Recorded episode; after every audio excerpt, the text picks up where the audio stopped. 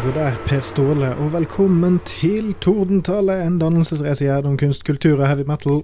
Happy halloween!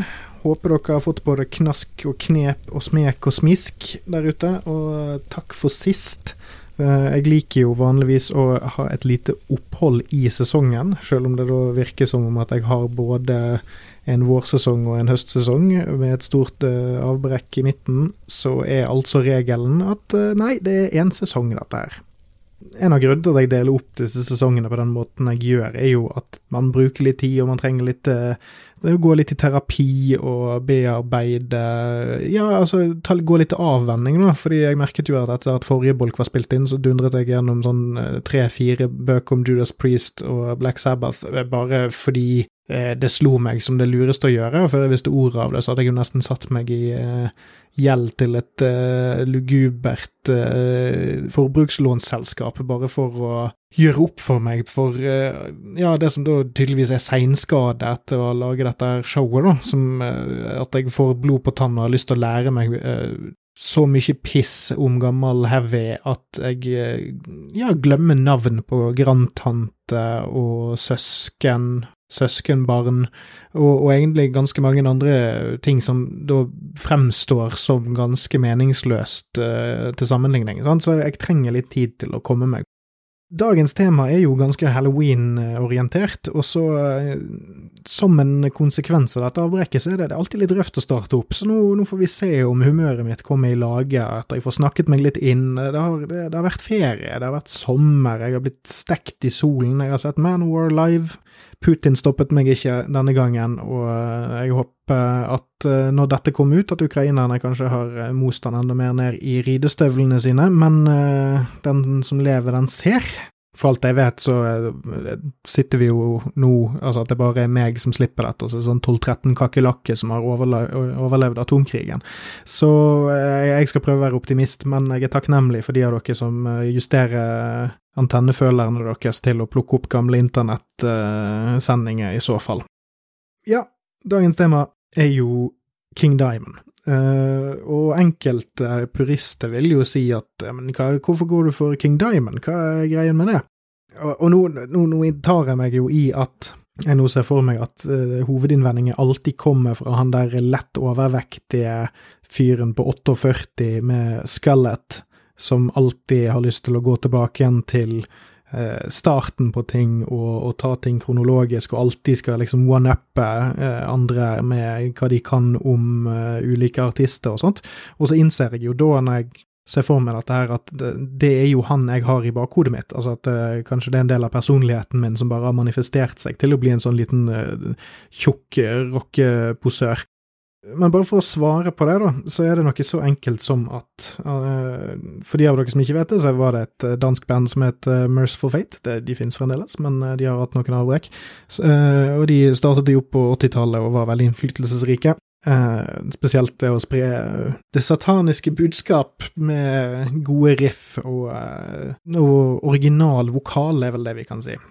Men grunnen til at jeg har lyst til å ta for meg King Diamond, for King Diamond er jo da vokalisten i Merciful Fate, og han har hatt en eh, flott so solokarriere helt siden 1986.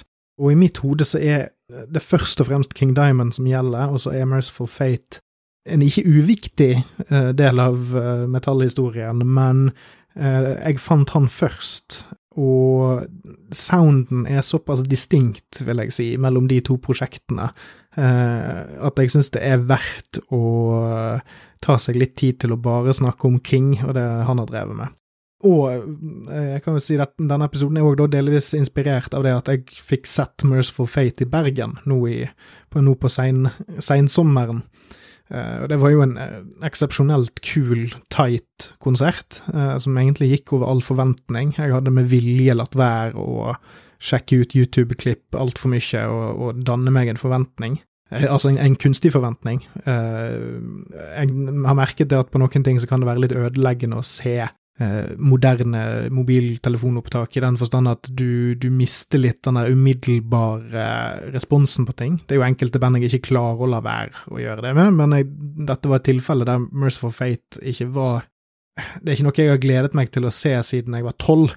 Eh, så da klarte jeg å styre meg litt. Jeg tror det gjorde konsertopplevelsen desto bedre. Det var bare en, eh, stemningsskapende, tung, men atmosfærisk konsert. Uh, og så har jeg òg sett King Diamond live for ti år siden. På en nærmere midnatt på en fransk metal-festival. Som er muligens en av de aller beste konsertopplevelsene jeg har hatt i mitt liv musikalsk var det ti av ti, men òg eh, bare måten sceneproduksjonen samsvarte med, med, med været. Eh, det, var ganske, det, var en ganske kald og regntung eh, langhelg der, eh, selv om det var langt sør i Europa og midt på sommeren. Altså, jeg, jeg tror ikke det var mer enn kanskje sånn ja, 14 grader ute. Uh, og, og, og sånn, sånn, sånn, fuktig, uh, lett dryss regn, og så kombinert med viktorianske herreslott, backdrops og uh, liberal bruk av røykmaskin, og da dette visuelle uttrykket til King Diamond, som vi skal komme litt tilbake til i denne episoden, den komboen er fantastisk. Jeg har vært på konserter som kanskje har liksom vært bedre ut ifra altså hvor viktig bandet er for meg og sånt, men, men bare at opplevelsen i seg sjøl uh, var minneverdig og sementerte seg i hjernen, så er det topp fem, vil jeg tippe.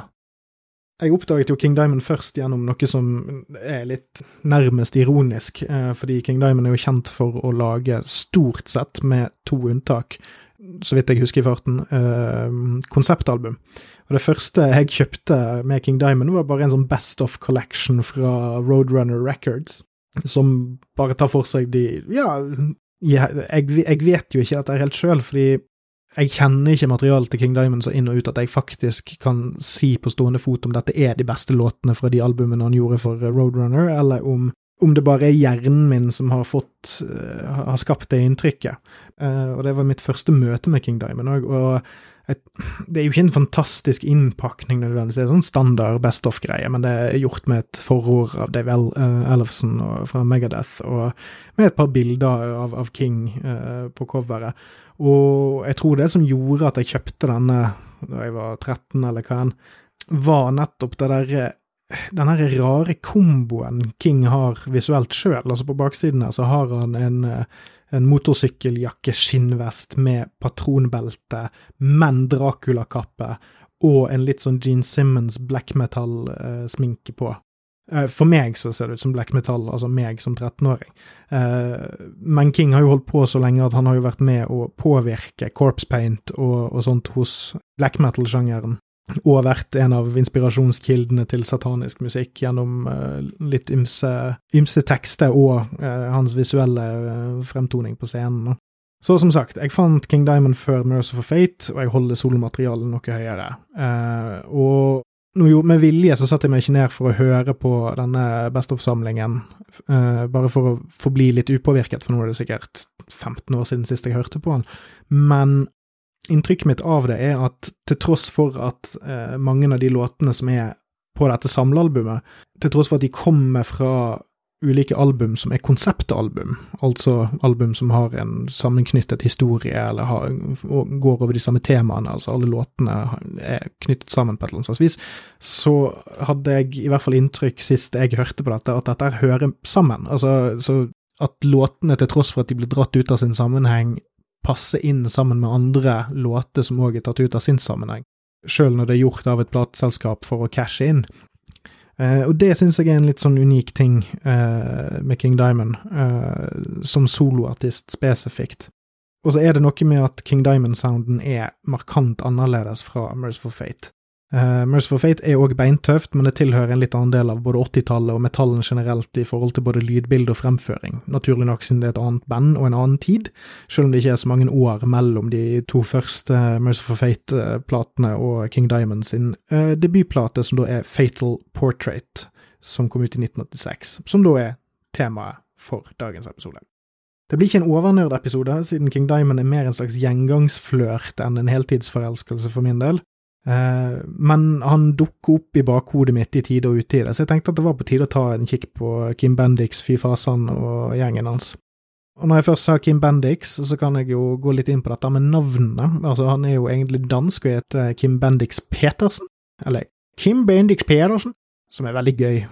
Altså, jeg synes bare det er gøy at danske fins, og så synes jeg det er enda gøyere at det fins danske navn. Uh, og så synes jeg det er enda gøyere at det fins danske som tar engelskklingende navn. Da kan du for eksempel si King Diamond, uh, og det, bare det at det går an å si det, gjør at jeg blir en lykkeligere person og ja, lettere å leve med generelt. Uh, og så er det dette med King Diamond. Det var, det var bare noe jeg, jeg, kom på rett før jeg trykket på innspilling her, at jeg har faktisk aldri tenkt på hvorfor han heter det. Så jeg bare prøvde å sjekke det kjapt opp, altså hvor kommer dette artistnavnet fra? Eh, og, jeg, og, fordi jeg prøvde å unngå å rote meg for mye ned i, i nerdingen, så bare gikk jeg for det første og beste jeg fant, og det var fordi King er jo litt opptatt av okkultisme og satanisme og sånt, eh, på mer enn én en måte. Eh, og så fant, ramlet jeg over at, at, King of Diamonds, altså hva er det det kalles, Ruter konge, er det vel på norsk, har en egen mening i tarotkortlesning, uh, altså sånne uh, sigøynere som leser spår fremtiden din i kortene. og da så jeg det at det sto at The King of Diamond represents a blond man, self-important, haughty, fearsome, deceitful, in a word, a bad man. He is quick to anger, determined and revengeful. His card often signifies a man in a dangerous occupation. In spite of his flaws, many women find the King of Diamonds very attractive. Så det, det er jo Om det er bakgrunnen for hvorfor eh, Kim Bendix eh, valgte dette navnet eller ikke, det vet jeg ikke, men jeg syns det samsvarer ganske bra med måten han fremstår på scenen på. Altså at, er, altså at det er en slags karakter han lager som på en og samme tid Eh, er farlig, er aggressiv eh, og, og trolsk og, og, litt sånn lokeaktig. Eh, men òg sjarmerende, i den forstand at han, han, separerer seg ikke fra publikum. han, han vender seg mot publikum og drar de inn i konserten og sånt. Han er ikke en han er ikke denne klassiske 'jeg er for bra for dette her', uh, frontmannen, som for eksempel Blackie Lawless i Wasp, eller ymse ekstremmetallfrontmenn. Men uansett, så, som jeg har prøvd å, å, forklare, så er dette her en episode som da er litt løsere enn det jeg van... Eller enn en det som jeg noen ganger gjør på dette showet. Og det er og det er fordi at noen ganger har jeg lyst til å snakke om ting som fascinerer meg, og ikke nødvendigvis ting jeg er ekspert på. Så det sitter kanskje en og annen der ute som kan dette bedre enn meg, og det setter jeg pris på. Dere må send, gjerne sende hatmail til radiorock at gmail.com eh, dersom dere er misfornøyd.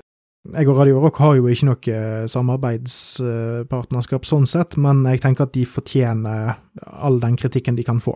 Eh, så, så gå for det. Men, men, jeg kommer til å prøve å, å, å, sette ord på noen ting jeg har gnagd på uten å tenke meg om i kanskje 20 år, da. Og, og det, det, det, jeg har tenkt med King Diamond, er at denne, denne, stilen er heavy, men den er fremdeles atmosfærisk og creepy. Og King Diamond sin sound skiller seg litt ut fra det jeg for eksempel syns er god heavy, eh, men det bærer òg masse tøft og hardt med seg som ikke jeg helt klarer å få grep på. Eh, og det har jeg lyst til å se litt nærmere på, på i dag.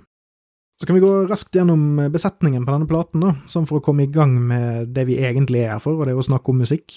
Eh, jeg er jo egentlig ikke helt overbevist om at det er det jeg driver med sånn generelt her, men eh, det er jo lov å ljuge for seg sjøl en gang iblant. Uh, ja, altså På vokal så har du King Diamond. Uh, han, har, han, har, både lead og backing vocals, og så spiller han til og med alle gitarene på en låt som heter Voices from the Past, og så har han òg vært produsent. Så er det Andy LaRock, eller Andy LaRook, uh, som jeg har trodd at han heter, fordi at jeg har bare trodd at det navnet er litt sånn her New Orleans-inspirert. Ja, Andy LaRock er, eh, er, på gitar, Michael Danner er på gitar, og uh, assistant producer så har du Timmy Hansen på bass og Mickey D på tromme. Uh, og alle disse er jo danske og svenske opprinnelig, men her forholder jeg meg til kunstnernavn, siden jeg egentlig er mest opptatt av presentasjon og ikke biografi denne gangen. Uh, og så kan man jo tenke seg til hvorfor de velger internasjonale navn. Jeg har jo allerede hengt meg opp i Kim Bendix Pedersen. Altså, det er ikke så lett å være Satans fyrste, toppen på Satans uh, fyrstekake når du heter Kim Bendix. Sant? Du trenger noe litt mer punchy, noe litt mer kommersielt, noe som uh, gjør at amerikanere ikke ler av deg når du introduserer deg. Jeg skal komme litt tilbake til Andy LaRock uh, seinere, men altså, vi må jo bare bemerke oss Mickey D her med en gang. Det er jo uh, uh, Motorhead sin nest beste trommis i noen sirkler, og Motorheads aller beste trommis i andre. Uh, han, jeg kan i hvert fall si så mye at Mickey D er en av mine favoritt-trommiser uten at jeg egentlig har noe annet argument for det annet enn Altså, det er, det er sjeldent for en person som meg, som er så lite opptatt av trommer, å legge merke til trommer. Og Mickey D er en av de trommisene jeg vet om der jeg kan forestille meg hvordan han høres ut før jeg hører han, uh, uten at jeg har et konkret uh, en konkret sånn drumfill i hodet, eller noe, noe, jeg automatisk tenker på, men jeg, jeg kan høre en Mickey D-trommesolo i hodet uh, uten å prøve, og jeg kan, jeg kan høre hvordan en låt av et band ville hørtes ut dersom han spilte tromme på det, tromme med dem. Og det er, det er ikke så mange journeyman-trommiser eh, det gjelder for, for mitt vedkommende, i hvert fall. Og det, det, gjør at han havner på en ganske god topplassering hos meg. Albumet kom ut i februar i 1986, eh, og jeg hadde bare lyst til å starte opp Altså, 1986 er jo et av de aller, aller største årene i heavy noensinne. Uh, altså heavy og bare generelt sett 80s rock og sånt òg. Så jeg tenkte vi kunne bare starte, bare for å illustrere hvor unik King Diamonds sound er. For jeg regner jo med at dere sitter og hører på dette parallelt med meg, og kommer til å skjønne alle referansene mine til hva jeg nevner av uh, ulike grep og sånt. Men bare for å få, få den konteksten, så tenkte jeg jeg skulle liste opp en bitte liten brøkdel av det som ble sluppet ut i 1986. Accept slapp Russian Roulette. Det er jo en av de dårligere uh, Udo-albumene, men likevel, de slapp den. Uh, det er noen gode låter på den. Guns N' Roses Live Like a Suicide, EP. Uh, Black Sabbath med Seven Star. Bon Jovi slapp Slippery When Wet. Destruction sin Eternal Devastation. Europe, The Final Countdown. Ozzy Osbourne, The Ultimate Sin. Motorhead med Orgasmatron. Metallica sin Master of Puppets. Megadeth med Peace Cells, But Who's Buying. Yngve Malmsten Trilogy, Judas Priest sin Turbo, Slayer med Rain in Blood, Striper sin To Hell With The Devil og Wasp sin uh, Inside The Electric Circus. Altså, for et år dette her var. Uh, nå er ikke det alle de låtene, platene jeg uh, listet opp her som er på min, mitt dreiebord til enhver tid, men det er Altså, det, det er litt av et tverrsnitt og et kroneksempel på variasjon vi kan finne fra ett år til det neste på det glade 80-tallet. Altså, bare, bare, bare, se på den listen der, og, og bare kjenne det er klassiker på klassiker, og her finner du noe å like, uansett hva du har av smak, hygiene eller seksuell legning.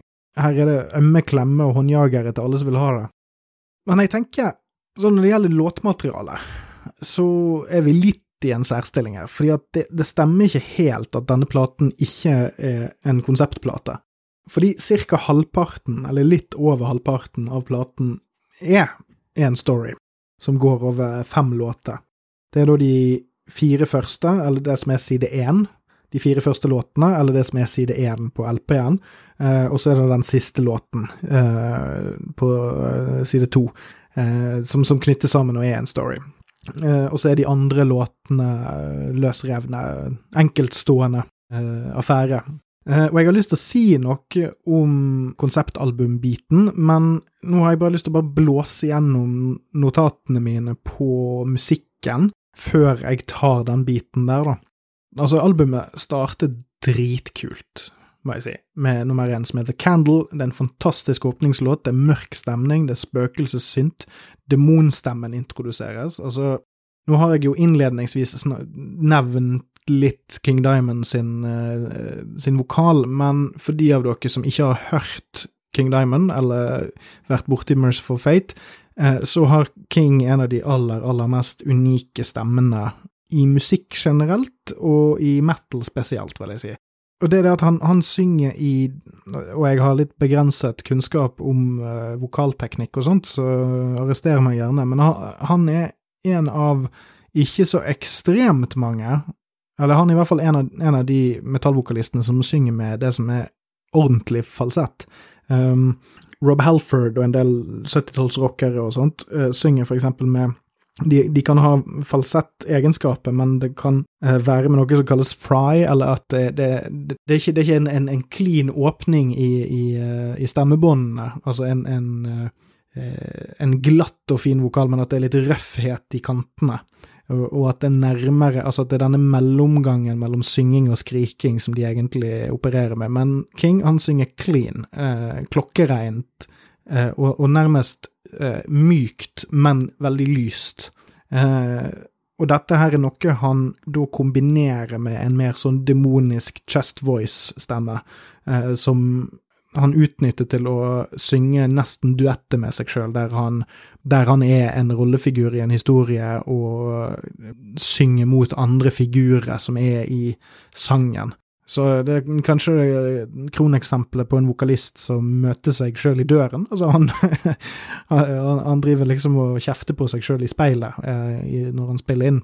Og det er en veldig kul effekt, eh, som jeg syns er overraskende virkningsfull, uh, uansett hvor mange ganger du hører det. Uh, det kan være litt repetitivt, altså at, at, det brukes veldig mye og på veldig mange låter, men uh, det mister aldri helt den magien. Det kan brukes på gode og dårlige måter, og det fins jo fantastiske og mindre fantastiske King Diamond og Merciful Fate-låter, men det står ikke på evnene hans. Han er en veldig flink og kul vokalist. Særpreg. Det er jo egentlig det jeg er mest interessert i. Er vokalister som liksom har denne unike evnen, men uten at de fortaper seg i teknikk. Eh, at det er eh, karakter i det de leverer. Og denne åpningslåten, The Candle, det høres ut som de simultant tilhører en Hammer Horror skrekkfilm, uh, eller, og, og, samtidig en kontemporær skrekkfilm.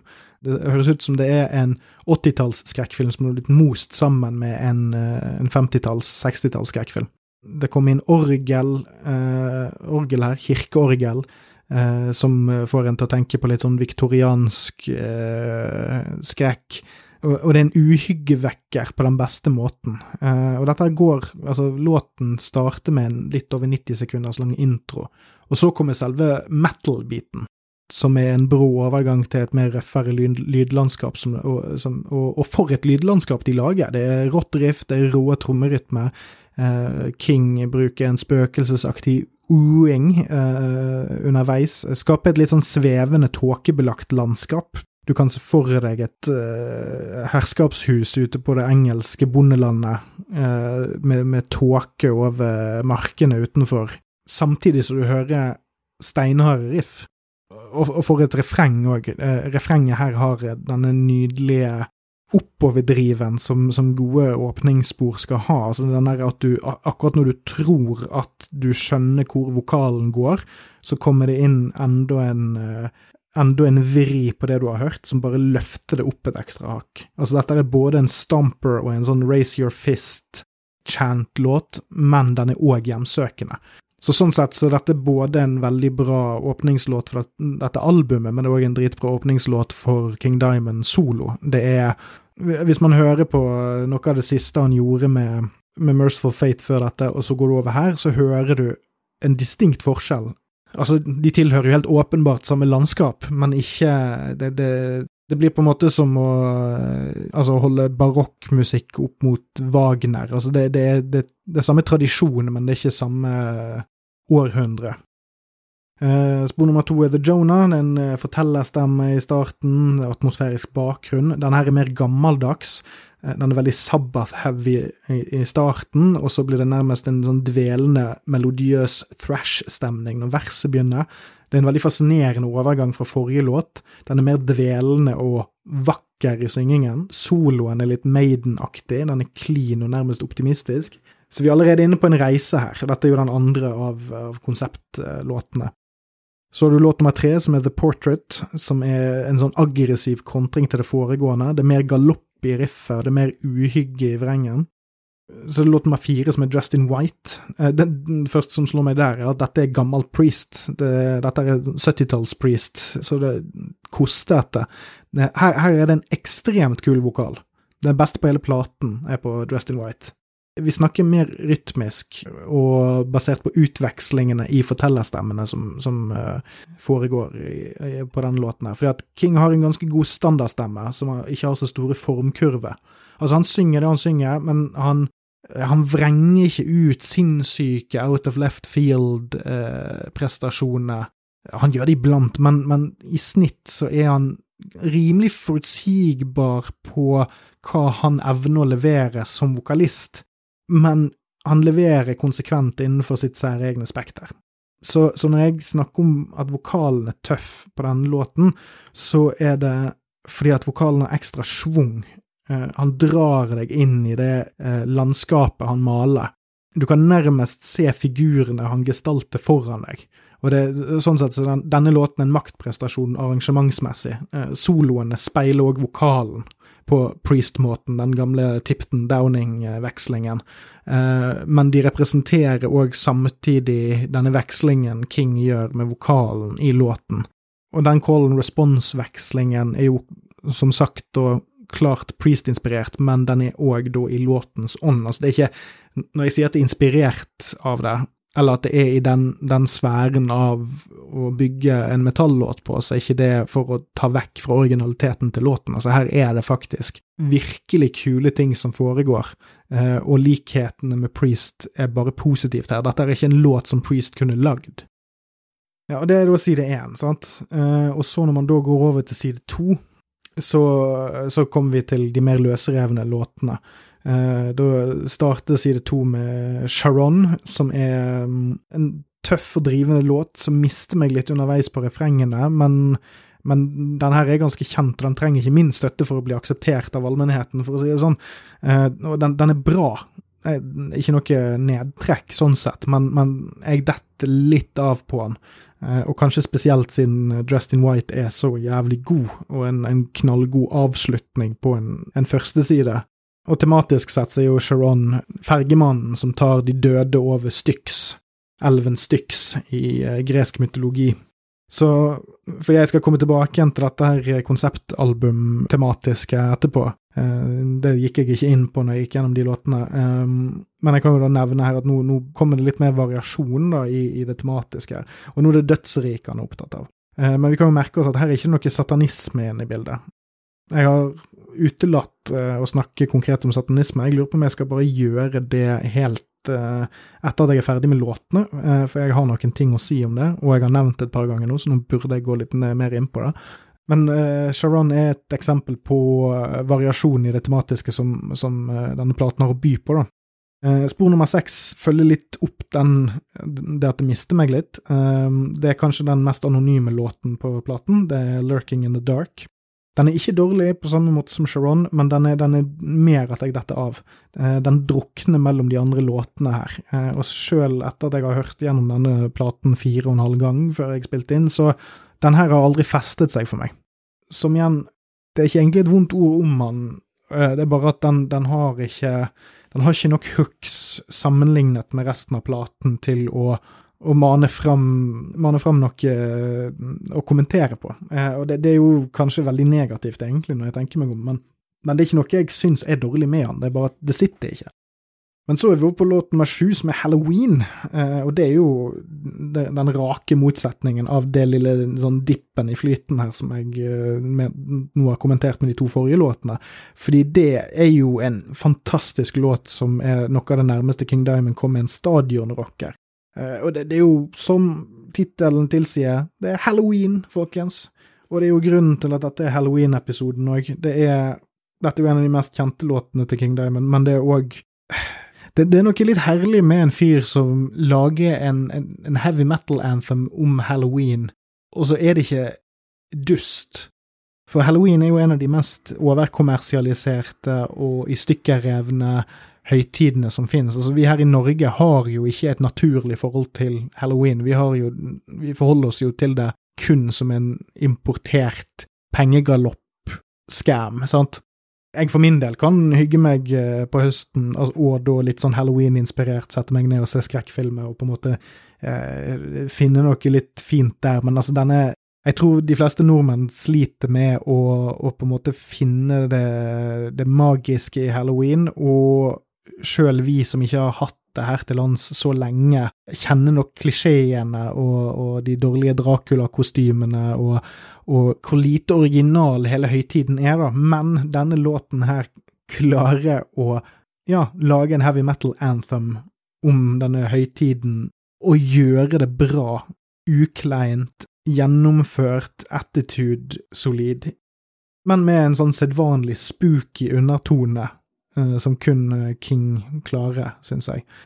det er noe med de beste King Diamond-låtene som gir en sånn spooky følelse som jeg aldri får av mer ekstrem musikk.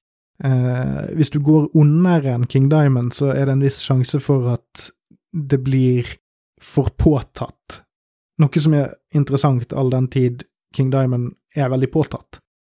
Og, og det, dette er kanskje den låten som representerer bandet mest som en enkeltstående låt. Eh, det er mange av elementene man hører på konseptplatene, hører man òg her, men det er en, en, enkeltstående og tilgjengelig låt, og den er hard som faen med fløyelsvokal og demonvokal og alt flyter i ett.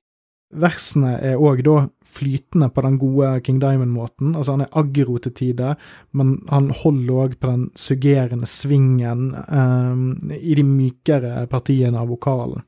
Og, og, sånn sett så vil jeg kanskje si at Halloween og The Candle, og dette sier jeg òg fordi de er jo med på den Best of-platen uh, jeg snakket om introduksjonsmessig det er The Candle, Sharon og Halloween som er representert på den. Eh, og spesielt da The Candle og Halloween er nok de låtene som jeg syns passer best inn med det som kommer etterpå. Og jeg, jeg syns ikke de står tilbake igjen for noen av de, de kommende platene til King Diamond. Og det er der, det er der denne, denne, sammenhengen uh, i, i, det kunstneriske kommer fra, sånn som jeg oppfatter den. Det er en veldig fin rød tråd eh, på de platene han lagde på 80- og tidlig 90-tall. Låt nummer åtte er en kort instrumental. Den er faktisk uh, kortere enn uh, det som er introbiten av The Candle. Uh, det er, det er, Voices from the Past. Og dette er en dritkul instrumental, med litt vokaler, så det er ikke, det er ikke tekst på den, men King er inne og bidrar litt uing og aing her og der. Og det her er det mye synt, det er gitar, det er en veldig kul trommeseksjon her.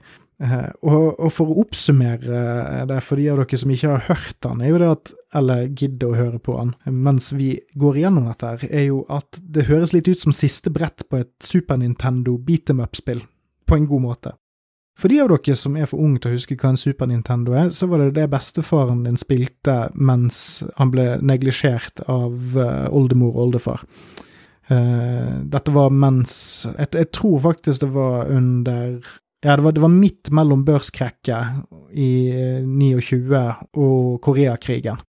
Men uansett, hvis du ser for deg et sånt retro uh, beat em up-spill, så er det sånn på siste brett, når, når, du begynner å nærme deg siste bossen, og du skal kanskje rømme ut ifra et eller annet sånt uh, brennende hus mens du uh, banker opp eh, pikselerte dudes, så, så, så, er det en veldig sånn frenetisk 16-bit sound på det, og, og, det er det Voices, of, Voices from the Past høres ut som ekstremt uh, kul uh, tromming fra Mickey D. Spesielt uh, snerten high-hat-bruk her, tror jeg. Uh, high-hat eller en low-hat eller en middle-hat eller hvilken som helst hatt de pleier å spille på. Og her kommer jo antydningen til det jeg anser som Mickey D sin definitive sound. Altså her, her er det et eller annet med trommelyden her som er ekstremt kul. Uh, og det er noe med den stereotrommingen med tilhørende romakustikk her som får meg til å tenke at han satt i en slags hjemsøkt sementblander mens de spilte inn. En, uh, den er kort og sweet. Jeg kunne hatt en dobbelt så lang versjon, om ikke tredobbelt så lang versjon av dette, der de bare varierte over dette temaet. Så uh, låt meg ni. Det er siste låt, og det er òg den siste konseptlåten, så det fungerer som en sånn button til hele platen. Altså, nå avslutter vi det som ble startet på side én. Den fortsetter med den skarpe riffingen, den avbrytes uh, nærmest progressivt med et spøkelsesaktig akustisk parti. King har noen ekstremt feite vokallag med, harmoni, uh, med harmonisering her. Kirkeorgelet kommer tilbake og gir et særpreg.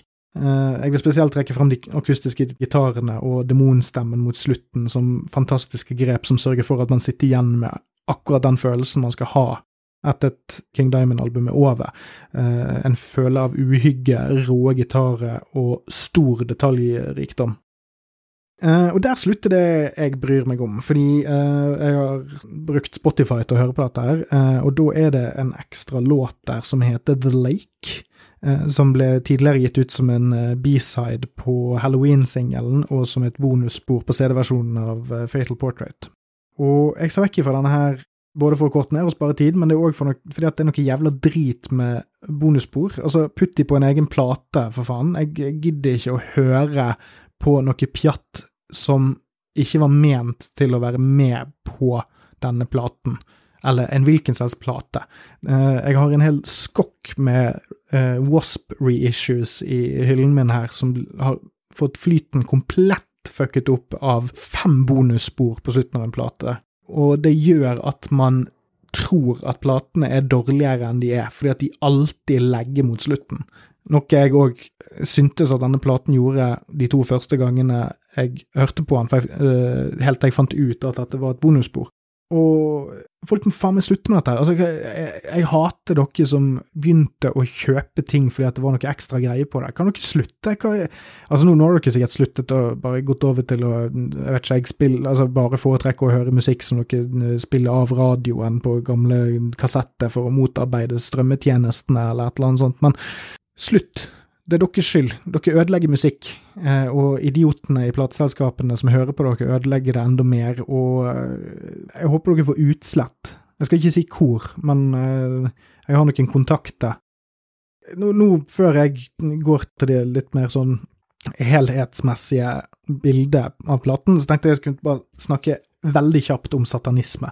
Fordi det, det syns jeg er på sin plass. Fordi King Diamond er en av de musikerne innenfor metal som er mest uh, representativ, uh, og han er Eller ikke representativ, men han, han er en selvidentifisert satanist, i ordets rette forstand. Altså, han er lavei-satanist, altså filosofisk satanist. Han er ikke nødvendigvis en, en troer. Uh, han, er, han er troende til mye, men ikke det. Og når du er filosofisk satanist, så er det mer det at du bruker Satan som et bilde på alt på motstanden din til organisert religion.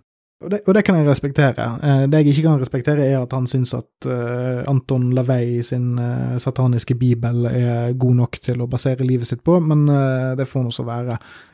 satanismen hans dukker egentlig ikke Jeg syns ikke det dukker opp i musikken hans i det hele tatt, egentlig. Der virker det mer som at det er hans inspirasjon Uh, altså det han, At han er fascinert med det okkulte, han, han er fascinert med gamle skrekkhistorier. Han er fascinert av uhygge og ubehag, og han kan bruke satanisme i og referanse til satanisme i musikken, men eh, ikke i en religiøs kontekst. eller noe sånt. Det er som en del av et kunstnerisk prosjekt, og ikke eh, nødvendigvis et, et konkret religiøst et. Men øh, grunnen til at jeg havner inn på dette sidesporet, er fordi at jeg sitter her nå med den sataniske bibelen til Anton Lavey i hånden, øh, fordi jeg har den stilt ut i øh, biblioteket mitt, der ved siden av King James-versjonen av bibelen, mormons bok, The Gospel of the Flying Spaghetti Monster-boken, en signert utgave av Richard Dawkins' The Greatest Show on Earth, eh, og volum 15 av Kim Il-sung sine samlede verker. Og Grunnen til at jeg har den stilt ut der, er fordi at det er en fin påminner om at ting som har fascinert deg da du var 14-15, ikke nødvendigvis er noe som er lurt å bygge livet sitt på.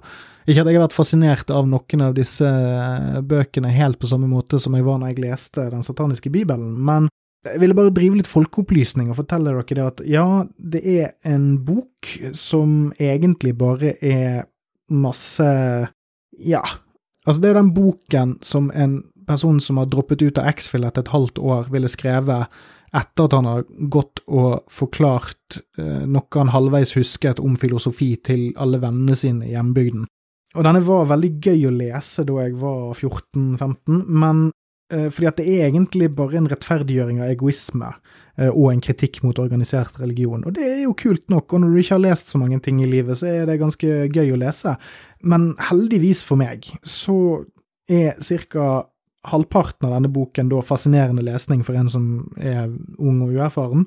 Men det som på en måte eh, vaksinerte meg mot å bli, bli 100 satanist i mine unge år, er jo det at eh, Anton Lavei har vært så forbanna idiot at han har skrevet inn masse trylleformularer i siste halvdel. Eh, for eksempel så var det vel en, en ting jeg hadde her eh, Hva var det?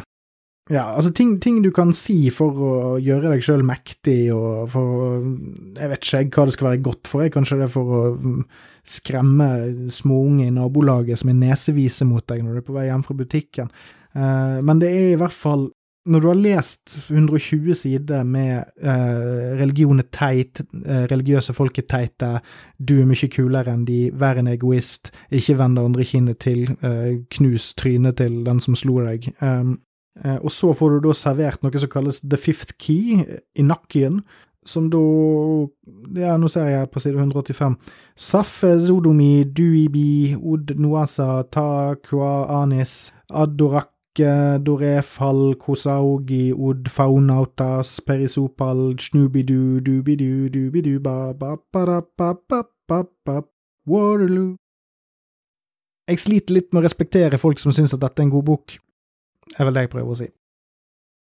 Men nå nærmer vi oss slutten her, så da tenker jeg at vi kan eh, prøve å ta opp litt eh, de tingene vi har lagt i løypen underveis, og kanskje gå bitte litt mer inn på konseptalbumbiten.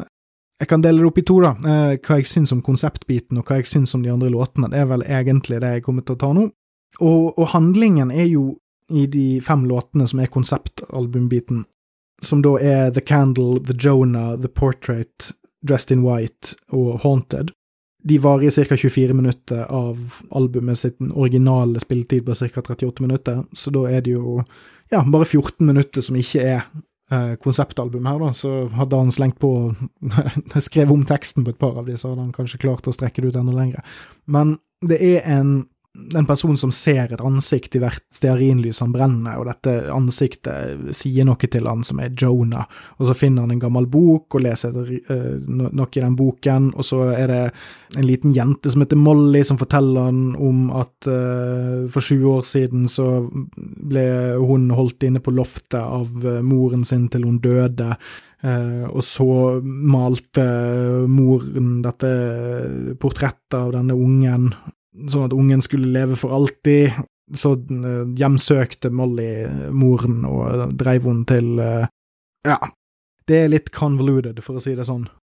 Det viktigste er ikke nødvendigvis denne klarteksten i historien, men at historien ligger der og i, i, hvert fall for meg som er litt sånn casual-lytter. Altså, jeg, jeg, setter meg ikke ned og nyter King Diamond-album uh, på tekstnivå, jeg, jeg, hører på det som opplevelse. Men det som er litt stilig med dette konseptalbumkonseptet, er at det gjør Altså, du, du, er klar over det når du hører på det, og så underveis i musikken, når disse her litt sånn spøkelsesaktige tonene treffer, inni det harde, sant Fordi musikken lurer hjernen min til å, til å, høre på det som et standard metal-album. Altså, det er masse aggressivt uh, riff-basert her som, som, jeg liker, uh, og så er det unikt nok til at det òg er fascinerende å høre på. Men når man da ikke hører på tekstene nødvendigvis, men du plukker opp, uh, du plukker opp enkelte setninger, enkelte refrengbiter, småting, så får du en litt sånn hjemsøkende effekt av det. Eh, at, at, du får sånne fragmenter av en historie eh, fortalt eh, nesten litt underbevisst. Og sånn sett så speiler det litt hvordan King Diamond ofte skriver disse her historiene sine. Altså han, han, det handler ofte om noen som, som, avdekker noe forferdelig som har skjedd tidligere, eller det er noen som uh, går igjen, og, eller en, en, fortelling fra langt tilbake som får konsekvenser for nåtiden. Sant? Og du kan, du kan, på en måte få en følelse av at du har uh, du opplever glimt inn i en historie du ikke helt skjønner. Uh, og det tenkte jeg ikke over før jeg satte meg ned med, med, denne platen, at jeg vet ikke om det er en tilsiktet konsekvens, men jeg tror det bidrar til uh, og gjøre det interessant, eh, både for de av oss som, som, kanskje lytter mer med ørene enn med sjelen. Så jeg synes det fungerer jævlig bra her, fordi som sagt, jeg, alt det musikalske gjør at jeg er tilbøyelig til å, å på en måte synke ned i det men samtidig så er det veldig tilgjengelig for de av oss som ikke gidder å, å, å, lese oss opp så veldig. Og jeg tror at det er, av det jeg har sett av tekstene her og sånn, så er det, det er masse å på en måte kose seg med for de som er tekstnerder òg. Og, og, som jeg nevnte, så syns jeg at de andre låtene òg Altså, dette albumet her er kanskje det som er mest variert, på en måte. Altså, det er mer hopping mellom stilarter på dette albumet enn det jeg har merket på de, de som kommer etterpå. Eh, som òg er et resultat av at eh, det ikke er et 100 eh, konseptalbum, men det er òg det at sjøl innad i konseptbiten så er det store hopp. Uh, og de andre låtene er solide. Uh, er litt mindre solide, et par av de enn konseptalbumlåtene, men, men for eksempel Halloween uh, er jo en banger av de store. Og i det store og det hele så er jeg generelt sett imponert over lagene i produksjonen sånn for å gå litt vekk fra bare det kunstneriske, altså hvis du tenker på lydbildet her, så er det masse bra jobbing, både med gitarlyd, tekniske småting, eh, og altså rent musikalsk, og, og, og hvor multidimensjonalt lydbildet er. Det er masse mer som foregår under hver linje eh, enn det som er der først, ved første lytt. Altså, du, hvis man hører litt nøyere etter, så kan du høre eh, lagene av gitar, du kan høre lagene av vokal, eh, og da ikke nødvendigvis eh, i vekslingene, men bare måten de har spilt det inn på, altså det, man, at man maskerer eller, eller liksom ghost-spiller eh, flere lag med eh, samme riff, samme vokaltone og sånt. Dette var en vanlig måte å gjøre det på før man hadde digital innspilling. Eh, og kunne flikke mye mer på ting. Så, så, en måte å gjøre ting større på var å, å bare doble mengden med materiale, eh, så godt du kunne. Det er mye synt på dette albumet, men det er, det velbrukt synt. Det er synt som er sånn at selv om du hører at det er synt, så er det fremdeles spooky. Det er fremdeles litt sånn off, eh, samtidig som det er veldig gjenkjennelig. Og så eh, vil jeg òg trekke frem Jeg sa at jeg skulle komme tilbake til Andy LaRock, La og gitarlyden hans er vanvittig tøff. Eh, han har en eller annen og, dette er en sånn generell ting med han som gitarist på King Diamond-plate, eh, som jeg ikke har hørt tilsvarende på andre gitarister. Han, han, er teknisk flink, og han er en god sologitarist, men det virker som om han på en måte har internalisert dette landskapet som King Diamond klarer å, å skrive i disse låtene, og manifestere det gjennom gitartonen sin. Og det er helt konkret lyden av gitaren og innstillingene han bruker på kabinettene sine. Det er en av de mest unike gitarlydene jeg vet om. Som jeg òg må anta òg har mye med teknikk å gjøre, og, og evne, ikke minst.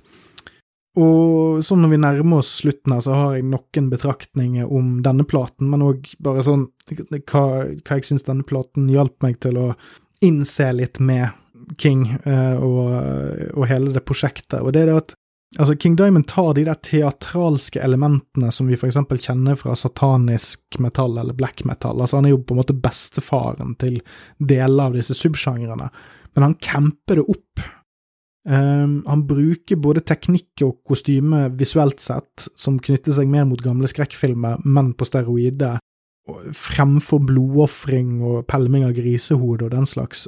Så han, han er på en måte blodseriøs og, og harry på samme tid, uh, og, og, på den måten så, så fletter han sammen uh, en del ting du skulle trodd ikke hørte sammen.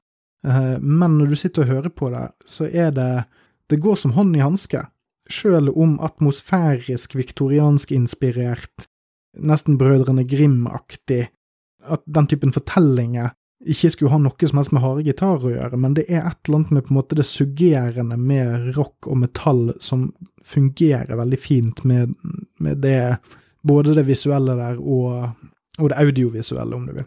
Og så vil jeg bare si, Det er òg en ting jeg assosierer litt generelt med eh, King Diamond. Det, er en del låter som bruker galoppriffing eh, som et virkemiddel. Eh, og det la jeg merke til at det er en stilig sånn stressfaktor i King Diamond sine låter. For det er, ikke, det er ikke nødvendigvis ondskap han går for i sånn demonisk forstand, men det er uhygge. Eh, altså spøkelsene bak deg mens du er alene i huset, du har lyset slått av, eh, du, du har stearinlys ved siden av deg og spiller inn podkast, sant? Og, og den galoppriffingen er med på å Altså, det er jo en drivende eh, teknikk. Altså, du har en sånn Altså en sånn, en sånn litt sånn, frin, sånn halvfrenetisk eh, Eh, rytme som kan få deg til å tenke på at du kanskje sitter på en hesterygg og prøver å komme deg vekk fra et eller annet i en mørk skog. Eh, så det er ikke nødvendigvis Altså, han maner ikke fram en konkret ondskap eller en eh, noe som nødvendigvis kommer fra Altså, som er, som er det er, ikke, det er ikke himmel og helvete det er snakk om, men det er denne mellomtingen mellom det levende og det døde. Og, og den, den, det King er opptatt av, er det som er rett bak det du kan se Det er, det er uhyggen i det normale, eller i det du, du, den tingen eller den gjenstanden eller det, det, stedet du er på, skal være normalt, men så er ikke det normalt. Eh, og den galoppriffingen gjør noe med kroppen som gjør at du får litt høyere puls av å høre på det, bare fordi det er tøft og sånn, men samtidig passer det jævlig bra inn i, denne, i dette bildet han maler. Og så er han jo generelt sett mer klassisk inspirert, men han har alltid dette hintet av brutalitet i musikken og i sminken. Og, altså Sminken er jo for eksempel The Missing Link mellom Kiss og Alice Cooper og Corpse Paint. Uh, og så har han symbolet i ansiktet som forblir fra de tidligere artistene, men King Diamond inkluderer liksom forråtnelse og onde makter, og det er mye mer ekstremt enn det som kom før. Uh, og, og, sånn sett så føles han Jeg er ikke en litterær mann på noe vis, sånn sett, men uh, han er på mange måter heavy metal sitt svar på Edgar Allan Poe, altså han som skrev The Raven og uh, The Telltale Heart. Og han skrev vel òg på slutten av 1800-tallet. Så sånn sett så er det jo en tidstilknytning i, på interessefeltet her, men Poe var òg en sånn makaber forfatter. Eh, han kunne på en måte skrive på en måte som gjorde, for, som gjorde at han var forstått av samtiden sin, men eh, han opererte på marginene, han, han, utforsket ting som var ubehagelig, eh, og sånt, og, og, og som, som, kanskje ikke var sømmelig i sin tid. Eh, og jeg syns at King Diamond gjør noe litt likt der, med at til tross for at eh, sounden på mange måter kan beskrives som klassisk heavy metal til tider, så er ikke det beskrivende nok, det heller. Altså, du, kan, du kan, lage et Excel-ark og, og, krysse av eh, likheter og forskjeller og sånt, men X-faktoren her er dette med marginene, altså spøkelsene i, i hjørnet, eh, når du har slått av lyset og lagt deg. Um, uhyggen i det normale som er rett utenfor synsrekkevidden din. Så det er det jeg sitter igjen med uh, etter å ha overtenkt denne platen i uh, noen uker. Uh, og, og, for å gå tilbake igjen til det jeg startet med, King Diamond fungerer både som en plateopplevelse, men òg som spillelistefyll. Altså, det er en god øvelse der låtene ofte er knyttet sammen med resten av albumet, men de står musikalskt på egne bein, selv om tekstene bygger på hverandre og fortsetter historien og sånn. jeg vet ikke om så mange andre artister som klarer det. Å være være 100 seg sjøl på omtrent alt de lager, eh, men samtidig passe så jævlig godt inn i så forskjellige selskap. King Diamond kan leve helt fint side om side i en spilleliste med Metallica eller Anthrax. Selv om det er radikalt andre stemninger, så er det ingenting som sier at han ikke hører hjemme med dem, men han er òg samtidig the odd one out. Så det var det jeg hadde å si om uh, den saken. Uh, og så håper jeg jo da, dersom alt går som det skal, så er vi tilbake igjen til neste uke med noe helt annerledes. Uh, men hvis ikke det går, og det bare blir én eller fire eller tre eller tolv episoder på slutten av dette året her, så sier jeg at det er hovedsak virkelig takket være enten atomkrig eller Anton Lavey sin sataniske bibel. Og som sagt, send inn klage til Radio Rock, og, og kjeft på de. Jeg syns ikke dette er akseptabelt i det hele tatt. Så takk for nå, og ha en ond halloween videre, og så snakkes vi en gang. Uh.